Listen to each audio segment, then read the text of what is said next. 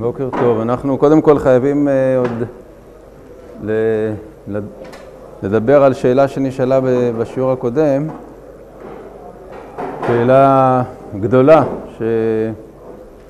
שהאחרונים שואלים אותה. הטור אומר שמצד אחד אומר בתחילת הסימן בריש י"א שבברכות שונות, דהיינו בברכת בורא פרי האדמה ובורא פרי העץ, אז אין, אין קדימה, לא שבעת המינים, לא חביב, מה, ש... מה שהוא רוצה, יכול לברך תחילה. ובסוף הסימן, כשהוא מדבר על, ה... על הקול הקודם בפסוק, קודם לברכה, דהיינו שאם יש לי שני פירות, שאחד יותר סמוך למילה ארץ והאחד יותר מאוחר, אז זה שיותר סמוך למילה ארץ הוא קודם. ואחר כך הוא אומר שבמקרה שיש חיטה ופרי, שהחיטה היא קודמת בפסוק, אז uh, הוא דן בזה אם, אם זה קודם רק כאשר ברכתו מזונות, או גם כאשר ברכתו בורא פרי אדמה, דהיינו כאשר הוא כוסס את החיטה. האם הכוסס החיטה הוא חשוב בשביל שנגיד uh, uh, שהוא קודם בפסוק או לא? ואז שאל uh, יואב, שאל uh, שאלה מצוינת. הרי אתה אמרת בתחילת הסימן שאם זה ברכות שונות, בורא פרי העץ ובורא פרי אדמה, אז אז אין חשיבות לשבעת המינים, אז מה פתאום uh, פה עכשיו השאלה? אז אם זה כוסס את החיטה ו... וזית או כל פרי אחר, אז uh, ברור שהוא יכול לעשות מה שהוא רוצה. באמת התקשרו בזה כולם, ויש רק תירוצים דחוקים. התירוץ שהכי, uh, אולי התירוץ הראשון שנאמר זה על ידי המהרש"ל. יש הרי uh, חידושי המהרש"ל על הטור, מופיעים בסוף הספר. אז הוא אומר שכאשר מדובר בשני פירות שהם שניהם משבעת המינים, שני...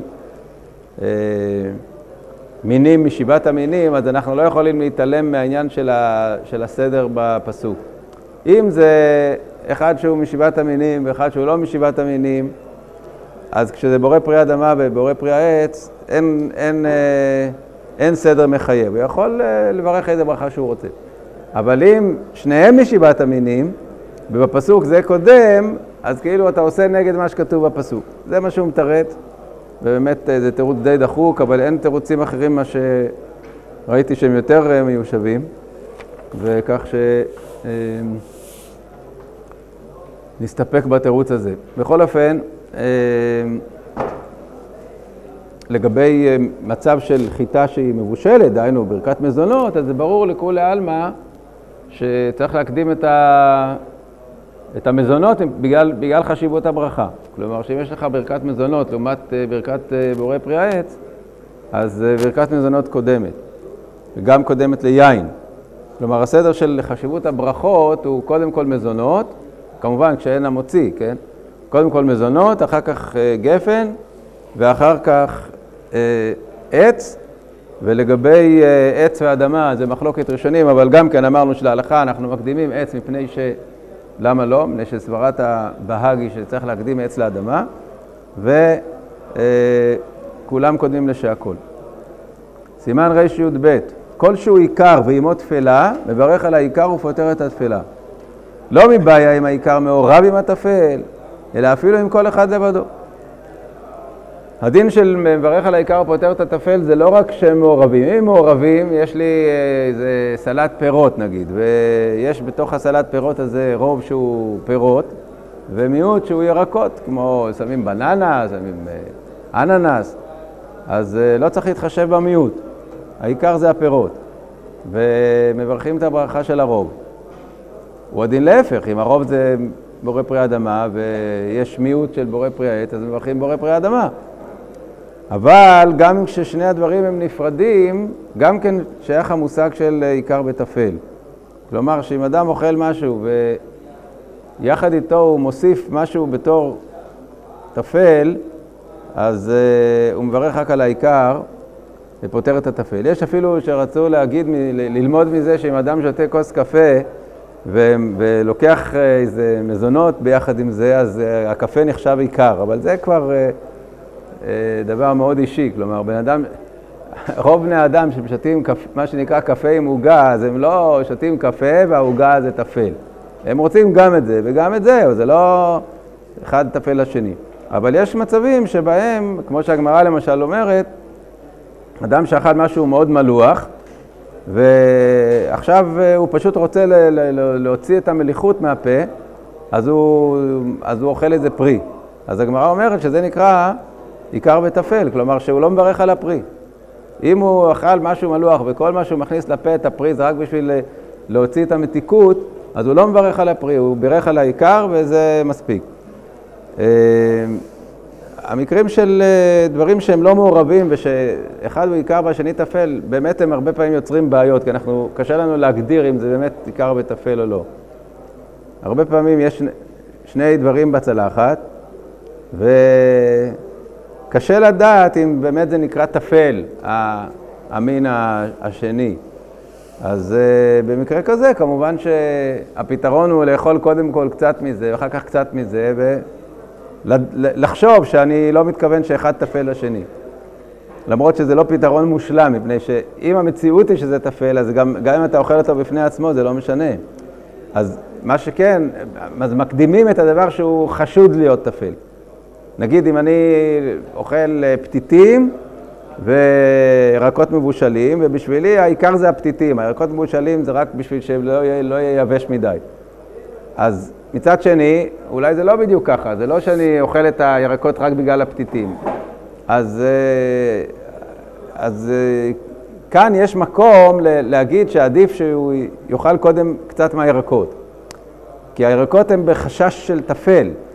אז למרות שבעצם לפי סדר הברכות צריך קודם לאכול, לברך מזונות ואחר כך אה, בורא פרי האדמה. אבל אם הוא רוצה להראות שהפרי האדמה הזה הוא דבר שהוא מעוניין בו בפני עצמו, אז הרבה פעמים יש דבר כזה שבן אדם יכול להקדים את הברכה שהיא צריכה להיות מאוחרת, אם הוא עכשיו לא רוצה, הוא, כרגע הוא לא רוצה את זה, הוא רוצה אחר כך. דוגמה, למשל אדם, אדם שאוכל אה, ארוחת צהריים, הוא אוכל דברים שברכתם שהכל. נגיד בשר ודברים כאלה שברכתם שהכל, או בורא פרי אדמה, ואחר כך הוא רוצה לאכול פרי בסוף הסעודה. כן, זה דברים שמעשים שבכל יום פה בישיבה. אדם לא נטל ידיים, הוא, יש לפניו אה, אה, בשר ועוד תוספת של אה, ירק, ואחר כך גם אה, הוא יאכל פירות. אה, איזשהו פרי. אז מה נגיד, שהוא צריך להקדים עכשיו לאכול את הפרי בגלל דין קדימה של בורא פרי העץ לשהכול? אני לא רוצה כרגע לאכול את הפרי, אני רוצה לאכול אותו אחר כך. לא, הוא לא... אף פעם בן אדם לא חייב לאכול משהו שהוא לא, צריך, שהוא לא רוצה לאכול אותו עכשיו. אם שני, מה שהגמרא דנה בהקדימה, בהקדימה, הכוונה שיש לפניו מינים אחדים, ובעיקרון לא אכפת לו מה לאכול קודם. אז אומרים, אז בסדר, אז עכשיו תחשוב מה העדיפות מבחינת החשיבות של הברכה, מבחינת ישיבת המינים, חביב או ברכה חשובה. אבל אם אני דווקא רוצה את הסדר הזה, אני לא רוצה עכשיו לאכול משהו מתוק, אני רוצה לאכול את המנה העיקרית. בסוף אני רוצה לאכול פרי. אז uh, ודאי שמותר לו להקדים את שהכל לבורא פרי העץ. אז במקרה הזה של עיקר וטפל, גם כן יש מצב שבו uh, אולי אדם שיש לו מזונות ואדמה, והוא רוצה שהאדמה לא יהיה טפל למזונות, שהוא יקדים קודם את האדמה. אבל זה עניין קצת אה, אה, עדין, ואולי במקרה כזה עדיף שיברך קודם מזונות ואחר כך אדמה, על כל אחד בנפרד. לא כל כך ברור. בכל אופן, אה, אומר הטור, ואפילו פת, שהוא חשוב מהכל, אם הוא טפל, כגון שאוכל דג מליח, ואוכל פת אמו שלא יזיקנו בגרונו, מברך על הדג ופותר הפת, כיוון שהוא טפל. אדם שרצה לאכול חתיכת דג מלוח, ובעצם הוא לא רוצה שום דבר אחר, אבל הדג מלוח הזה הוא יותר מדי מלוח או חריף, אז הוא רוצה רק שזה לא יהיה חריף מדי, אז הוא לוקח חתיכת לחם, אז הוא לא צריך לברך על הלחם. הביאו לפניו יין ושמן טוב להריח בו, אוחז היין בימינו, הוא מברך תחילה עליו, ואחר כך נוטל השמן בימינו ומברך עליו. אז כאן ההתנגשות היא בין ברכה של אוכל לברכה של ריח, שברור שברכה של אוכל קודמת. אז הברכה על היין קודמת לברכה על הבשמים. הדבר הנוסף הוא שלמדנו שכל דבר שאתה מברך עליו, אתה צריך להחזיק אותו ביד ימין, וזה חשיבות הברכה. אז כתוב שאם אתה, אומר הטור, אם אתה, יש לך ביד יין ביד אחת ובשמים ביד השנייה, אז לא מספיק שאתה מברך קודם על היין. אחרי שאתה מברך על היין, כשאתה מחזיק אותו בימין, אתה צריך להעביר את הבשמים ליד, ליד ימין ולברך עליהם ביד ימין. ואמרנו שאיתר זה יד שמאל, כי זה חשיבות. סימן רי"ג על כל הפירות ושאר דברים חוץ מפת ויין, אם היו האוכלים שניים או רבים, אחד פותר את כולם, את חברו, אפילו בלא הסיבה. יש לנו לגבי ברכה ראשונה כלל של ברוב המדרת מלך, דהיינו שאם כמה אנשים אוכלים יחד, דבר לא, לא מסעודה, לא המוציא. כל דבר שברכתו שהכל, עץ, לא משנה מה, עדיף שאחד יברך לכולם, וכולם יענו אמן, ברוב המדרת מלך. לגבי ברכה אחרונה זה לא ככה, עוד מעט נראה, אבל לגבי ברכה ראשונה, שהם באים עכשיו לאכול ביחד, אז עדיף שאחד יברך לכולם. אפילו בלא הסיבה, הם נחשבים מצורפים. דווקא פת ויין, באי הסיבה משום דחשיבי. ולדידן סגי בישיבה כמו בהסיבה לדידו. אבל כל שאר הדברים לא באו הסיבה. כלומר, בזמן חז"ל, כשהיו אוכלים פת ביחד, אז היו אוכלים בהסיבה. וגם יין, היו, כשהיו שותים יין בחבורה, היו רגילים לשתות בהסבה. אז לכן, אם הם לא מסיבים, אז זה נקרא שהם לא מחוברים, הם לא יושבים בתור איזה חבורה, אלא סתם כל אחד אוכל לעצמו. אז לכן אומרת הגמרא שפת ויין באו הסיבה, אם רוצים לברך ביחד, וראוי לברך ביחד, אז רק כשהם אוכלים בהסיבה. אבל בשאר דברים שלא, בשבילם לא עושים הסיבה, אז לא עושים וממילא לא צריך, כאילו הם נקראים מצטרפים גם כשהם לא מסיבים. וכתב בספר המצוות, אם בני אדם ישבו או הסבו עתה על היין, כל אחד צריך לברך. שאין לנו רגילים לקבוע עצמנו כבימיהם. אז הסמ"ג אה, אומר שכל העניין, אם אנחנו רואים שצריך אה, הסבה בשביל הקביעות, ובימינו לא רגילים להסב, אז הוא אומר, אז בימינו בכלל בטל הדין הזה של ההצטרפות. כלומר, הוא, הוא רואה את הדברים ככה, שבזמן חז"ל, אז ההצטרפות ל, ל, לשתות יחד אה, יין, וזה היה קשור בהסבה, פירושו של דבר שדווקא בצורה כזאת זה נקרא שאתה מצטרף. אבל אם אתה לא עושה את זה, אז, אז לא נקרא מצטרף. כיוון שבימינו אין הסיבה, אז ממנו אין, אין גם הקביעות הזאת.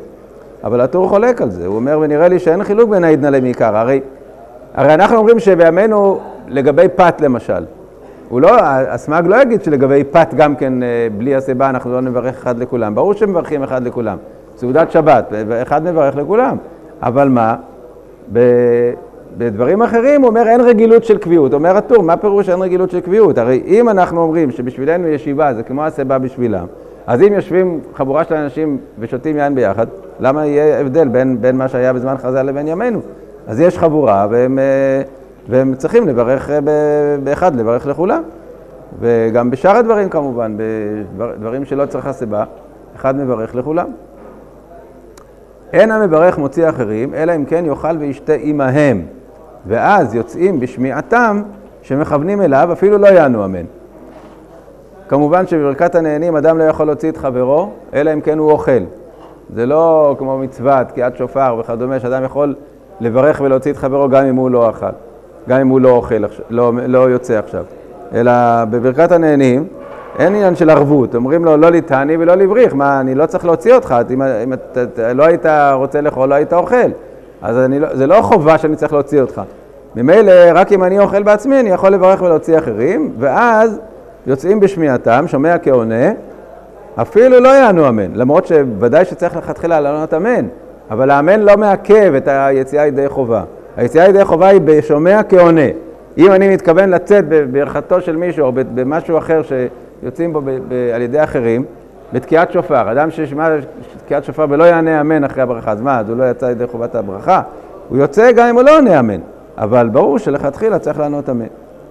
ואני לי בברכה ראשונה, אבל בברכה אחרונה אין זימון לפירות, אלא לפת, וצריכים לחלק, וכל אחד יברך לעצמו. הסברה היא שכאשר הולכים, כאשר גומרים, וכאילו זה לקראת זה שמתפזרים, אז אין את העניין של הביחד, ולכן בברכה אחרונה על פירות, על כל דבר חוץ מפת בשלושה, שמחייב זימון, חוץ מהמקרה של זימון, אז תמיד בברכה האחרונה צריך לחלק, שכל אחד יברך לעצמו.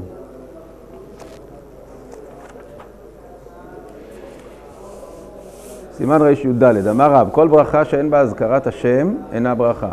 אדם שברך ברכה ולא אמר שם השם בברכה הזאת, אמר ברוך אתה אלוקינו מלך העולם, לא יצא.